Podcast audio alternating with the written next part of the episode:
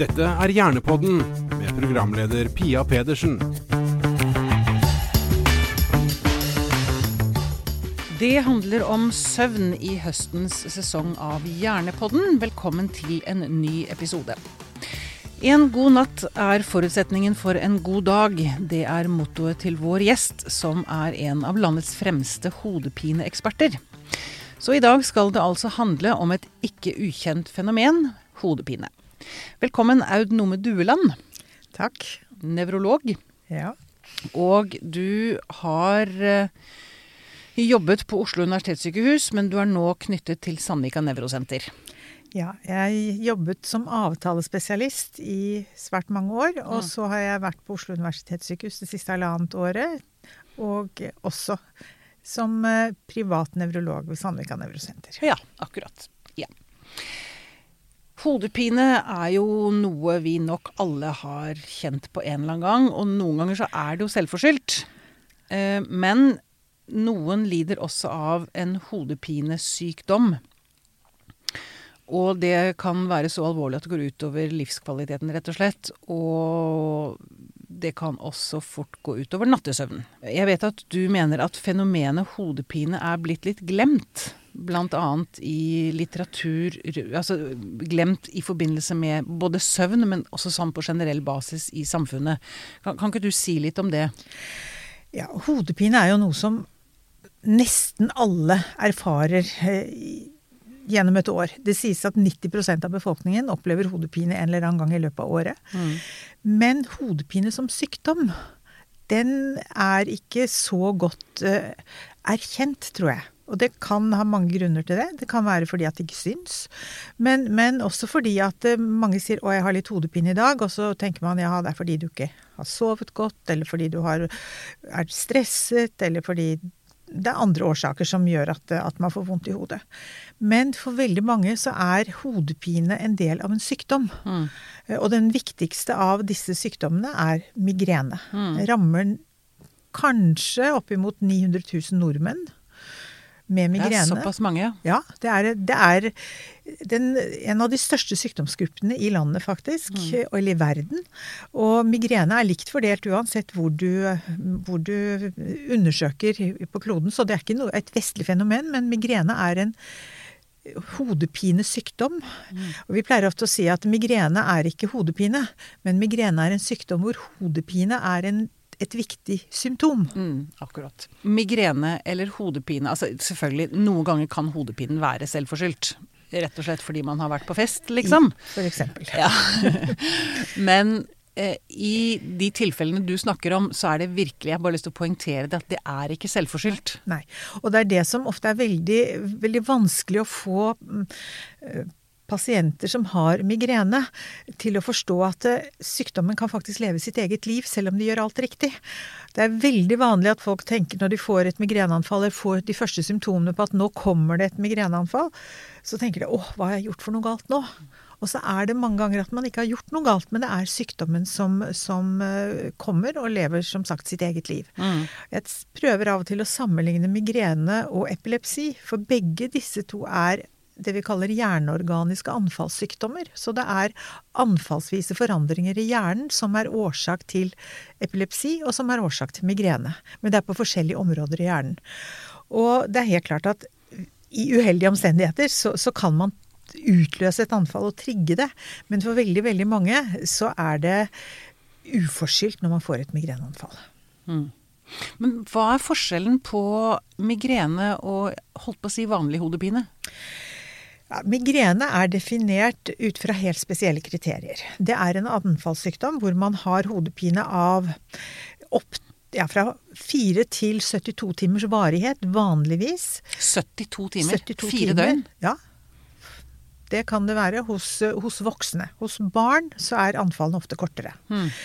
Men eh, hodepinen kan da ha flere forskjellige karakteristika. Den kan ofte være halvsidig, være dunkende.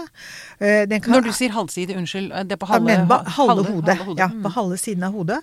Eh, Og den kan være leds... Eller kan være moderat til sterk, pleier vi å si. Det er, det er sjelden at den er mild, men den kan også være det. Og den kan forverres ofte ved fysisk aktivitet. Eh, Det er liksom hodepinekarakteristikaen. Vi har liksom fire forskjellige karakteristika. Og så er det slik at for å stille diagnosen migrene, så trenger man ikke mer enn to av de karakteristikaene hvis hodepinen i tillegg er ledsaget av lyd- og lysskyhet eller kvalmeoppkast. Og det som er problemet, er at veldig mange får ikke riktig diagnose fordi mange tror, både av pasienter og leger, og faktisk også nevrologer, tror at man må ha alle kriteriene til stede for å kunne stille diagnosen. Men eh, man stiller strengere, strengere krav til diagnosene enn det faktisk diagnosekriteriene gjør.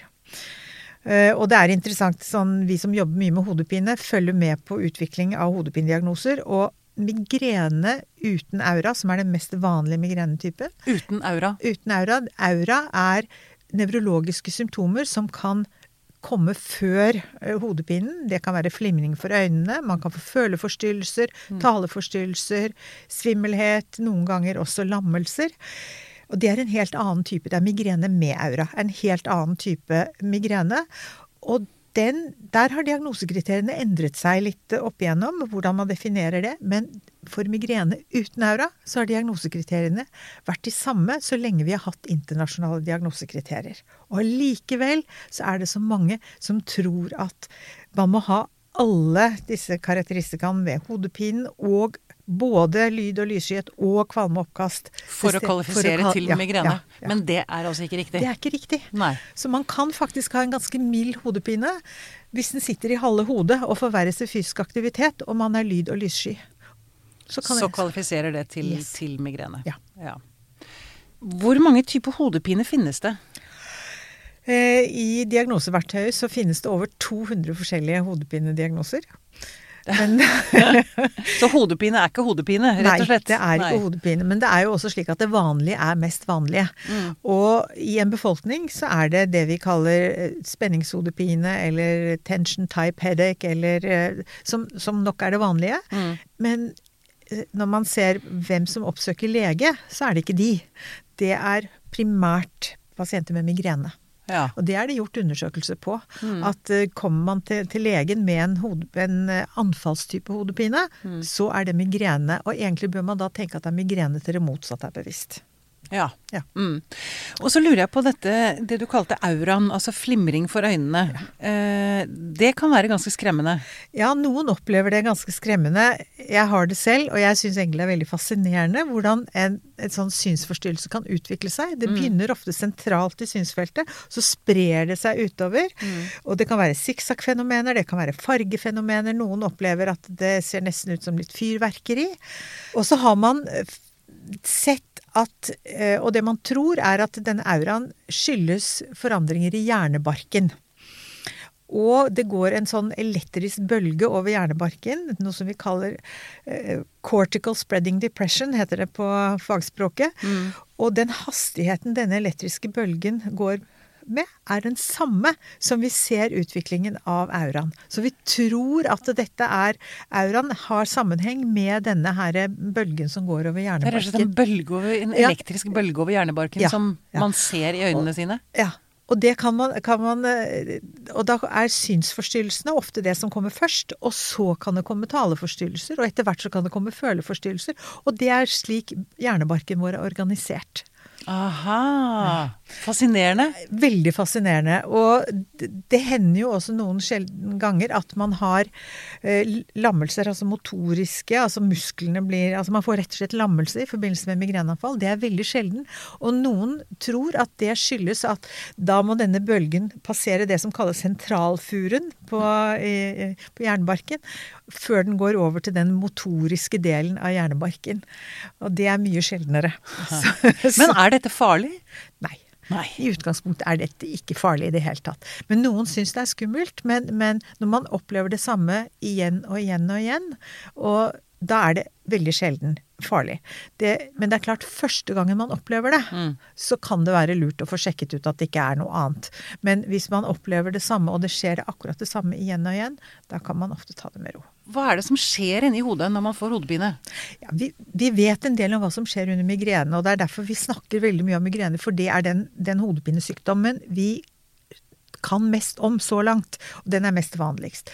Hva som skjer når man får det som er eh, vi kaller spenningstype hodepine, eller eh, tension type headache, som man nå sier på, på engelsk. fordi man, der vet man egentlig ikke helt hva som skjer. Vi mm. trodde at det hadde sammenheng med at man var stram i musklene, eller sånn.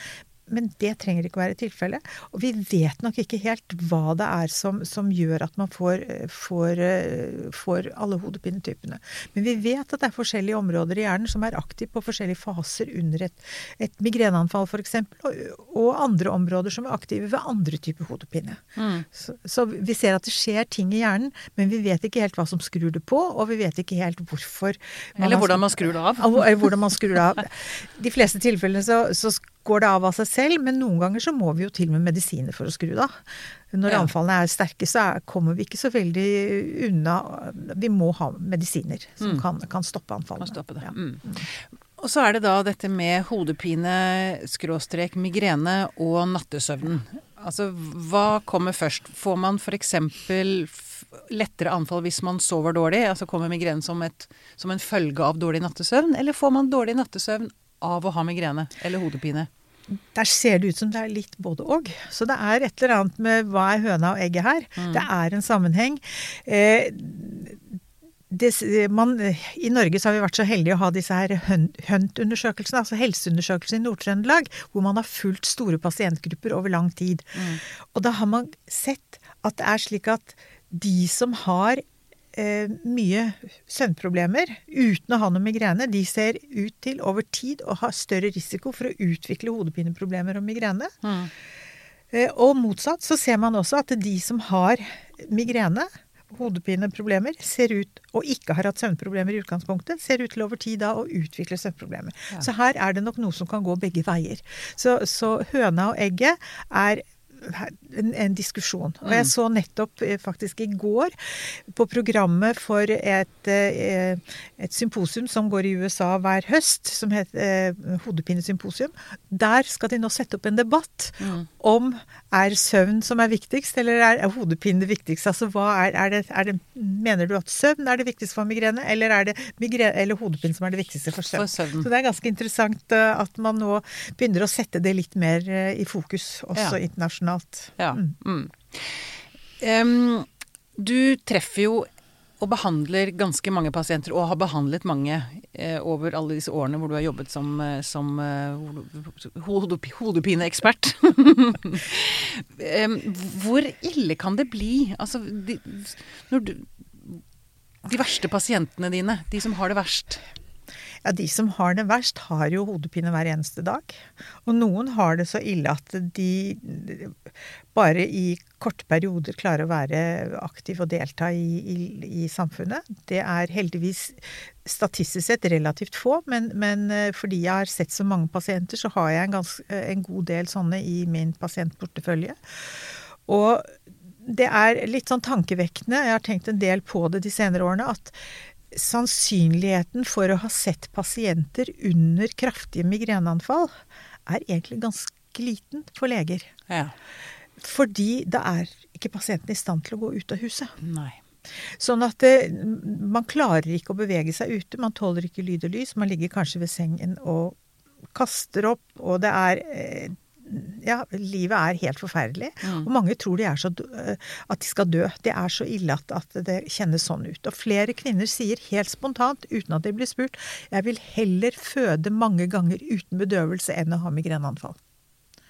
Det er såpass vondt, ja. Ja. Så ille er det. Mm. Og det er, det er ikke alle som har det sånn, men så ille kan et, et anfall uten behandling arte seg. Og det er klart at disse pasientene skal jo ha hjelp, de skal jo ha behandling. Mm. Det er jo uetisk å ikke behandle de. Mm. Men, men, dessverre så, så, er det mange som går ubehandlet, og utenfor, fordi de ikke får riktig diagnose. Ja, Men på bakgrunn av det du sa om at, at du føler at hodepine er litt glemt, um, blir disse pasientene tatt på alvor? Både òg. Mm. Det er mange som, som kommer, og problemet er hvis de da har gått og fått beskjed om at nei, dette er bare en type spenningshodepine, bare gå deg en tur eller, eller ta deg en Paracet, så går dette nok over, så går de ikke tilbake igjen til legen. Og de kan gå mm. i mange år, og så kan de bli så dårlige at de ikke fungerer. Og først da kommer de kanskje og får riktig diagnose og får startet behandling. Mm. Så det er mange Jeg har fått mange historier av pasienter som sier at de ikke er blitt tatt på alvor. Dessverre. Mm. Ja. Og da har de gått med unødvendig lidelse i mange ja, år? Ja. Mm. ja. Mm. Og veldig mange ungdommer, faktisk. Mange ja. ungdommer. For dette, og særlig det tenåringsjenter. For dette er Statistisk sett så er det tre ganger så mange kvinner som menn. Det var det neste spørsmålet mitt, ja. om dette er kjønnet. ja, det er det. Eh, det er eh, og, og i barnealder så er det faktisk litt flere gutter enn jenter. Men når vi kommer til pubertet, så da rykker jentene ifra. Så dette er hormonelt eh, i stor grad. Eh, ikke bare, men når kvinner eh, har menstruasjon, så er det ofte, og de har migrene, så er anfallene ofte kraftigere, og de kan være vanskelig å behandle. Ja. Og veldig mange eh, blir ikke tatt på alvor i forbindelse med det. Og, de går, og, særlig unge jenter går for lenge før de får riktig diagnose og før de får forebyggende behandling. Mm. Hva er forebyggende behandling? Forebyggende behandling er eh, i første omgang medisiner som man mer eller mindre tilfeldig har oppdaget at reduserer migrene. Vi bruker medisiner som egentlig er utviklet for andre sykdommer, sånn som mm, blodtrykksmedisiner. Vi -hmm. bruker midler mot epilepsi. Vi bruker midler som også kan brukes mot Eller iallfall tidligere har vært brukt mot depresjon. Ja. Eh, og så har vi de senere årene fått mer spesifikke migrenemedisiner fordi vi skjønner litt mer om hva som skjer i hjernen under migreneanfall. Og da har man klart å utvikle, for første gang faktisk, helt spesifikke migreneforebyggende medisiner. Basert basert på mm, de mekanismene som, som, som skjer i hjernen under anfall. Ja. Eh, så, så, det er jo på mange måter et paradigmeskifte for oss som jobber med, med migrene. Men det er også kostbare medisiner, og det er eh, Myndighetene har satt spesielle krav til hva pasienter skal ha forsøkt av andre medisiner før de kan forsøke disse. Ah, okay. ja. mm. De pasientene som du har i behandling, hva slags behandling er det du gir dem da, annet enn en forebyggende medisiner? Hva, finne, nå er jeg ute etter håpet. altså hvis ja. man da Og det tror jeg er veldig, veldig viktig. Og jeg må mm. si at jeg har jo over årene lært veldig mye av dette dette, og, og, tenkt mer og mer på at medisiner er jo bare en liten del av det. Og jeg har i alle år sagt til pasientene mine at jeg kan ikke kurere noen hodepinesykdom. Det, det kan Nei. jeg ikke. Jeg skulle ønske det var sånn. For det finnes rett og slett ikke noe kur for det? Det finnes ikke noe kur. Dette her er kroniske sykdommer som ikke kan kureres. Men de kan behandles. Mm. Og så må man prøve å leve så godt man kan, tross alt. Og det å på en måte fokusere på ting man får til, mer enn på ting man ikke får til, tror jeg er ganske viktig. Og det å på en måte ikke eh, være fokusert på at man ikke fikk til eh, å være med på på julebordet, julebordet eller, eller, sånn.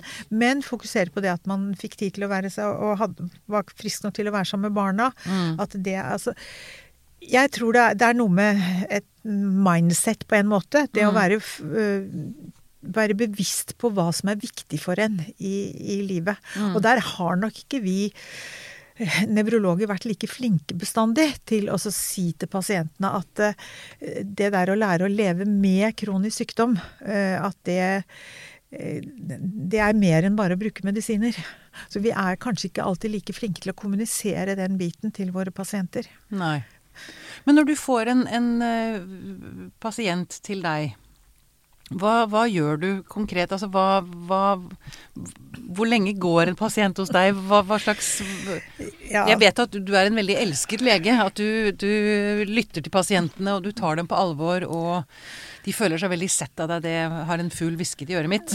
Men jeg, det er hyggelig å høre. Og, og jeg, jeg syns jo fortsatt det er spennende å møte pasienter og møte nye pasienter. Jeg syns jeg mm. lærer noe av pasientene. Jeg sier at de som har lært meg mye av det jeg kan i dag, er jo mye av feedbacken, for å bruke et godt norsk uttrykk, fra pasientene, som, som, ved å starte eh, behandlinger, så kommer de tilbake og gir meg en tilbakemelding at ja, dette funker, dette funker ikke. Og jeg ser også hvor store individuelle forskjeller det er. Mm. Men det jeg gjør helt konkret, er at før pasientene kommer til meg, så får de tilsendt et noen skjemaer, sånn at de skal ha tenkt litt igjennom eh, når hodepinen startet, hvilke symptomer de har, hva som eventuelt trigger, ikke trigger, hva de har prøvd av medisiner og hva som er gjort. Mm. Så at vi går gjennom en ganske sånn vanlig og ganske grundig og nøyaktig nevrologisk eh, anamnese, som vi kaller sykehistorie, og bruker ganske mye tid på det. Bruker veldig mye tid på beskrivelsen av symptomene deres. Mm. Og har jo da lært at det finnes jo ikke to som er helt like, så folk har forskjellige typer symptomer. Og det finnes veldig mange tilleggssymptomer som kanskje ikke alltid står i, i, i bøkene, men som, som, kan være en viktig del, og som kan være noe man kan ta tak i i forbindelse med behandling. Og Der er bl.a. dette med søvnproblemer, som er en, en viktig bit av det. Så jeg spør alltid om det. Ja. Eh, hva, hva, hva, hva, rapporterer mennesker rundt dette med søvnen, da? Altså, da noen ganger så sier de at det, jeg, jeg sovner ikke fordi at de, er, de, har så vondt at de ikke klarer å sovne. Det kan være et problem. Noen kan sovne, men så kan de våkne uh, i løpet av natten. Eh, både da, fordi de har hodepine. Noen våkner og kjenner at de har hodepine, så jeg spør alltid Hvis de våkner om natten, så spør jeg våkner du av, eller våkner du med hodepinen? Mm. Mm. For det er ganske stor forskjell. For hvis de våkner av en hodepine, så er smertene så sterke at det er det som vekker de. Hvis de våkner med det, så våkner de fordi de kanskje skal på toalettet eller noe sånt, så kjenner de at de har faktisk hodepine nå. Mm. Uh, og det er litt sånn forskjellig måte å angripe det på. For de som alltid våkner av en hodepine, der må man kanskje tenke på at gi pasienten noe før de legger seg om kvelden som kan hindre at de våkner av. Hvis de våkner med en hodepine når de allikevel skal på toalettet, så kanskje det holder å ta Hvis det da er tegn på et anfall, så kan de ta medisinen da. For det er ja. sjelden mm. at de mm. Det er jo sjelden at et anfall går over av seg selv, selv om for mange så er god søvn en god behandling. Så mm. det at man får god søvn, kan være en god anfallsbehandling, faktisk. Mm. Mm. Så, så, det er Og jeg har jo sagt, som du sa til å begynne med, at det, det, er, det å sove godt om natten er ganske avgjørende for hvordan dagen blir. Ja. ja. Ja. Kan du utvikle det litt? Eh, ja, jeg sier at, og det kjenner de fleste av oss, vil jeg tro. At hvis man våker om morgenen og kjenner oi, i natt har jeg sovet veldig godt, så vil dagen kjennes mye, mye bedre ut. Mm. Det tror jeg de, de, de, aller fleste av oss har erfart. Mm. Og de som da har hodepine og kan våkne og kjenne oi, jeg har sovet godt, da har man på en måte mye mer å gå på i løpet av mm. dagen. Mm. Og jeg er veldig opptatt også at disse som har mye hodepine, at de noen ganger skal være mer oppmerksom på de krystallklare dagene de har, hvor de ikke har noe hodepine i det hele tatt, enn å være opptatt av å føre hodepinekalender med alle de dårlige dagene. Og, er, eh, og man får ofte to helt forskjellige svar. Man spør hvor mange hodepinedager har du, og etterpå spør hvis jeg nå snur dette opp ned, hvor mange krystallklare dager har du? Og det mm. kan være to helt forskjellige svar. Fordi mange går med en sånn vag et eller annet i hodet som de på en måte nesten ikke regner med, men som allikevel preger dem. Så målet er at de skal få så mange krystallklare dager som mulig. Det ja. er målet med behandling. Ja. Og, og hva er suksessraten din?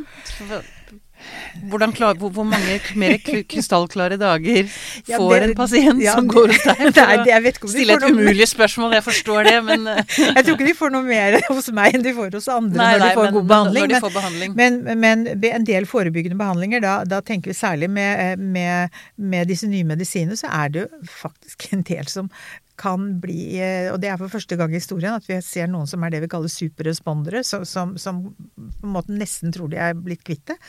Eh, og det har vi aldri sett wow. før. Det er, mm. det er sjelden, mm. men, men, det forekommer. Eller at noen plutselig kan ha en uke uten et eneste uten tegn til hodepine. Eh, etter behandling. Etter, etter behandling. Mm, etter at de har begynt med behandling. Mm. Men, men Eh, og så bruker vi Vi bruker jo også Botox-behandling som en del av dette for de, for de, med kronisk migrene. Også der er det mange som kommer og plutselig kjenner at nei, nå, nå er jeg helt frisk mellom hodepine, mellom migreneanfallene mine. Mm. Mens andre kjenner at nei, nå, de anfallene jeg får er mye kortere, og de er mildere. Anfallsmedisiner virker bedre. Så det er veldig mange forskjellige eh, responser på behandling. Men jeg må høre, Botox-behandling, sprøyter man Botox inn i hodet? eh, i huden, eller i musklene utenpå hodet. Mm. ja, vi, vi, bruker en helt spesiell protokoll som, som, man brukte i disse studiene som førte til at Botox fikk, eh, fikk godkjenning for behandling ved kronisk migrene. Mm. Og det er en eh, protokoll hvor vi setter injeksjoner med små enheter med Botox i panne, i tinninger, i bakhodet, eh, øverst oppe i nakken, eller det er vel også egentlig eh, nederst i bakhodet, og så litt grann ut på skuldrene. Ja. Så det er et helt spesielt mønster som man, man bruker hos disse pasientene. Som har vist seg effektivt. Og har vist seg altså. effektivt, mm. og, og, som kan ha en, en veldig god effekt. ja. ja. Alt, alt, som kan hjelpe, det er vi for. Ja, absolutt. så, så, mange blitt, sier at det er et liv før og etter. Ja, ja. fantastisk. Mm. Når vet man om det er migrene? Jeg bare sitter og mm. tenker lyttere som, som, er plaget mye med hodepine, men som kanskje ikke har denne flimringen eller, altså, eller kaster opp, mm. eller hvordan kan de vite om det er migrene de har? Ja, Vi har en enkel eh, liten sånn en test som vi ja, bruker. Og stiller tre korte spørsmål. Det ene er eh, Er du lyssky under hodepine? Det andre er har du i løpet av de siste tre månedene vært så dårlig av hodepine at du på en måte har, har ikke kunnet fungere? Mm. Og det tredje spørsmålet er du noen gang kvalm i forbindelse med hodepine? Og, det, altså, og, dette her kommer fra engelsk, hvor det P står for phonophobia, altså lysskyhet. I står for indisposed. N står for nausea. Så det blir PIN. PIN-kode. PIN-kode! ja. ja. De tre spørsmålene der, de er testet ut. Og det viser seg at svarer man ja på mer enn to Altså svarer man ja på to av disse spørsmålene, så er det over 90% sannsynlighet for at hodepinen din er en migrene. Svarer du ja på alle tre, så er det enda større. Det er ikke 100% men det er en veldig stor indikasjon på at dette kan være en, en, ja. Eh, en migrene. Eh, og da bør man gå til legen, og så bør man Det man kan gjøre, er å gå inn på f.eks. sidene til Hodepine Norge, som er pasientorganisasjonen for de med migrene og andre hodepinesykdommer. Der ligger det en del skjemaer som man kan printe ut og fylle ut og ta med seg til legen, sånn i forhold til å få Kan dette være en migrene? Ja. Da, da lurer jeg også på Um, hvis man har migrene, er det andre ting altså Én ting er selve anfallene, mm. men er det noe som skjer imellom der også? Så får man nedsatt kvalitet også imellom anfallene, eller er det anfallene som er det, sykdommen, eller som er symptomene? Ja, det er anfallene primært, men det er klart at har du Det er veldig stor forskjell på å ha anfall en gang i halvåret. Mm en gang i måneden og ha anfall flere ganger i uka. Mm. For da begynner du å få anfall flere ganger i uka, så har du ikke mulighet for å komme deg mellom anfallene. Da, Nei, da får for det man ikke vil, restitusjon. Det tar, ja. det tar ja. kreftene ja. fra deg. Og det, er, og, og det som er jeg de senere årene har blitt mer og mer oppmerksom på, er jo hvor mye krefter et sånt anfall egentlig tar. Mm. Så én ting er at hodepine er borte. Eh, så er det mange som tenker at da må jeg tilbake på jobb med en gang. Mm. Og så er man helt utkjørt og fungerer ikke, klarer ikke å få med seg tankene. For det er også et problem under migreneanfall, er at, at man blir kognitivt påvirket av det. Mm. Man har problemer, klarer ikke å lese, klarer ikke å tenke, klarer ikke å huske. Og, og hvis man da tenker at når, når, smerten er borte, så er jeg helt 100 mm. så er det ofte ikke tilfellet. Man trenger ofte tid til restitusjon etterpå. Mm. Sånn at et migreneanfall er sånn sett mye mer enn hodepinen. Det er ofte en forfase hvor man kan få begynnende symptomer. Man kjenner at noe er på gang. Det er der man får lyst på sjokoladen, kanskje. Man får craving. Og så gir man sjokoladen skylda. Men det er ikke det, for du var på vei inn i et anfall. Så får man da selve hodepinefasen, og så etterpå har man da restitusjonsfasen etterpå. Som jeg tror det er også veldig viktig at man tar hensyn til. For gjør man ikke det, så blir man gående der og bruke opp krefter man ikke har. Mm. Mm. Tror man at eh, livsstil har noe med migrene å gjøre? Altså kosthold, trening, frisk luft, altså, skjermbruk? Hva ja. vet man om det? Hva sier forskningen om dette? Litt blant. Det jeg kan si er at det finnes iallfall ikke noen migrenediett. Nei. Nei. Da har vi lagt det, den dø. Men det som er viktig, og det er det samme gjelder for de som har migrene som for all mulig Altså alle, alle råd for en sunn livsstil. Det gjelder jo sunnere man lever, fysisk aktivitet, regelmessig livsførsel, eh, eh, godt kosthold. Alt det gjelder. Men, men har man migrenesykdommen, som er en, en, sannsynligvis en genetisk disposisjon, så, så kan man ikke eh, si, bli kvitt migrenen ved å, ved å leve det, det, si, det riktige livet, på å si det sånn. Men man kan kanskje bidra til at, at eh, anfallene kanskje blir sjeldnere, eller at det kanskje blir mildere. Så, så jeg pleier å si det er det, akkurat de samme ting gjelder om man har migrene som for enhver annen. Eh, Men, men, og det er viktig å holde seg fysisk aktivitet, så derfor så er det det ble gjort en studie i Trondheim for noen år siden som var ganske interessant, hvor man sammenlignet trening og bruk av et forebyggende medikament, og de kom ut akkurat likt sånn i resultater. Sånn Ah. at det men man må også være trenbar, så de som da har begynt å å få hyppigere og hyppigere anfall og har anfall flere dager i uken, så er det ikke sikkert at det er Man må komme dit hen at man klarer å være fysisk aktiv og begynne å bygge seg opp. Ja, for sa du ikke også i sted at fysisk aktivitet faktisk kan trigge et migreneanfall? Ikke trigge, men man blir verre når man er i et anfall. Ja. Så, vil man, så vil hodepinen kunne bli verre. Så, så det er jo noen som kjenner at når et anfall er på gang, så kan det hende at de kan klare å gå en tur. Men når anfallet virkelig har slått inn, så vil de færreste klare å være fysisk aktiv. Ja. Men det som er viktig er at, å, å være klar over er at migrene som en hjerneorganisk sykdom er en veldig kompleks sykdom. Ja. Det er en veldig kompleks sykdom. Det gir veldig, veldig mange forskjellige symptomer som øh, Og det viser seg når man tar øh, funksjonell MR igjen, sånn i forskningsøyemed, så ser man at det er veldig mange forskjellige områder av hjernen som er aktive til forskjellige deler under et anfall. Og som kan forklare veldig mange av disse noen ganger litt rare symptomene som pasienter beskriver. Så vet jeg også at man kan, man kan eh, gå kurs. Det finnes kurs i migrenemestring. Ja, det, man prøver iallfall å få til. Altså Hodepine Norge har nå iallfall et, et kurs eh, som, går, som man kaller læringsnettverk for de med omfattende hodepine. Og det viser seg jo at de fleste som blir med på et sånt kurs, er jo folk med alvorlig migrene. Mm. Og det er en måte hvor man prøver å, å, å ved gruppearbeid og ved fore, forelesninger og, og, og si, setter fokus på hva, hvordan kan man leve så godt som mulig med en kronisk sykdom. Mm. Mm. Og der jobber eh, Hodepine Norge ganske mye med, med den siden av det. Noe som vi eh, leger kanskje ikke alltid har vært like gode på. Ok. Til slutt, er det noe du har lyst til å løfte frem som vi ikke har snakket om, eller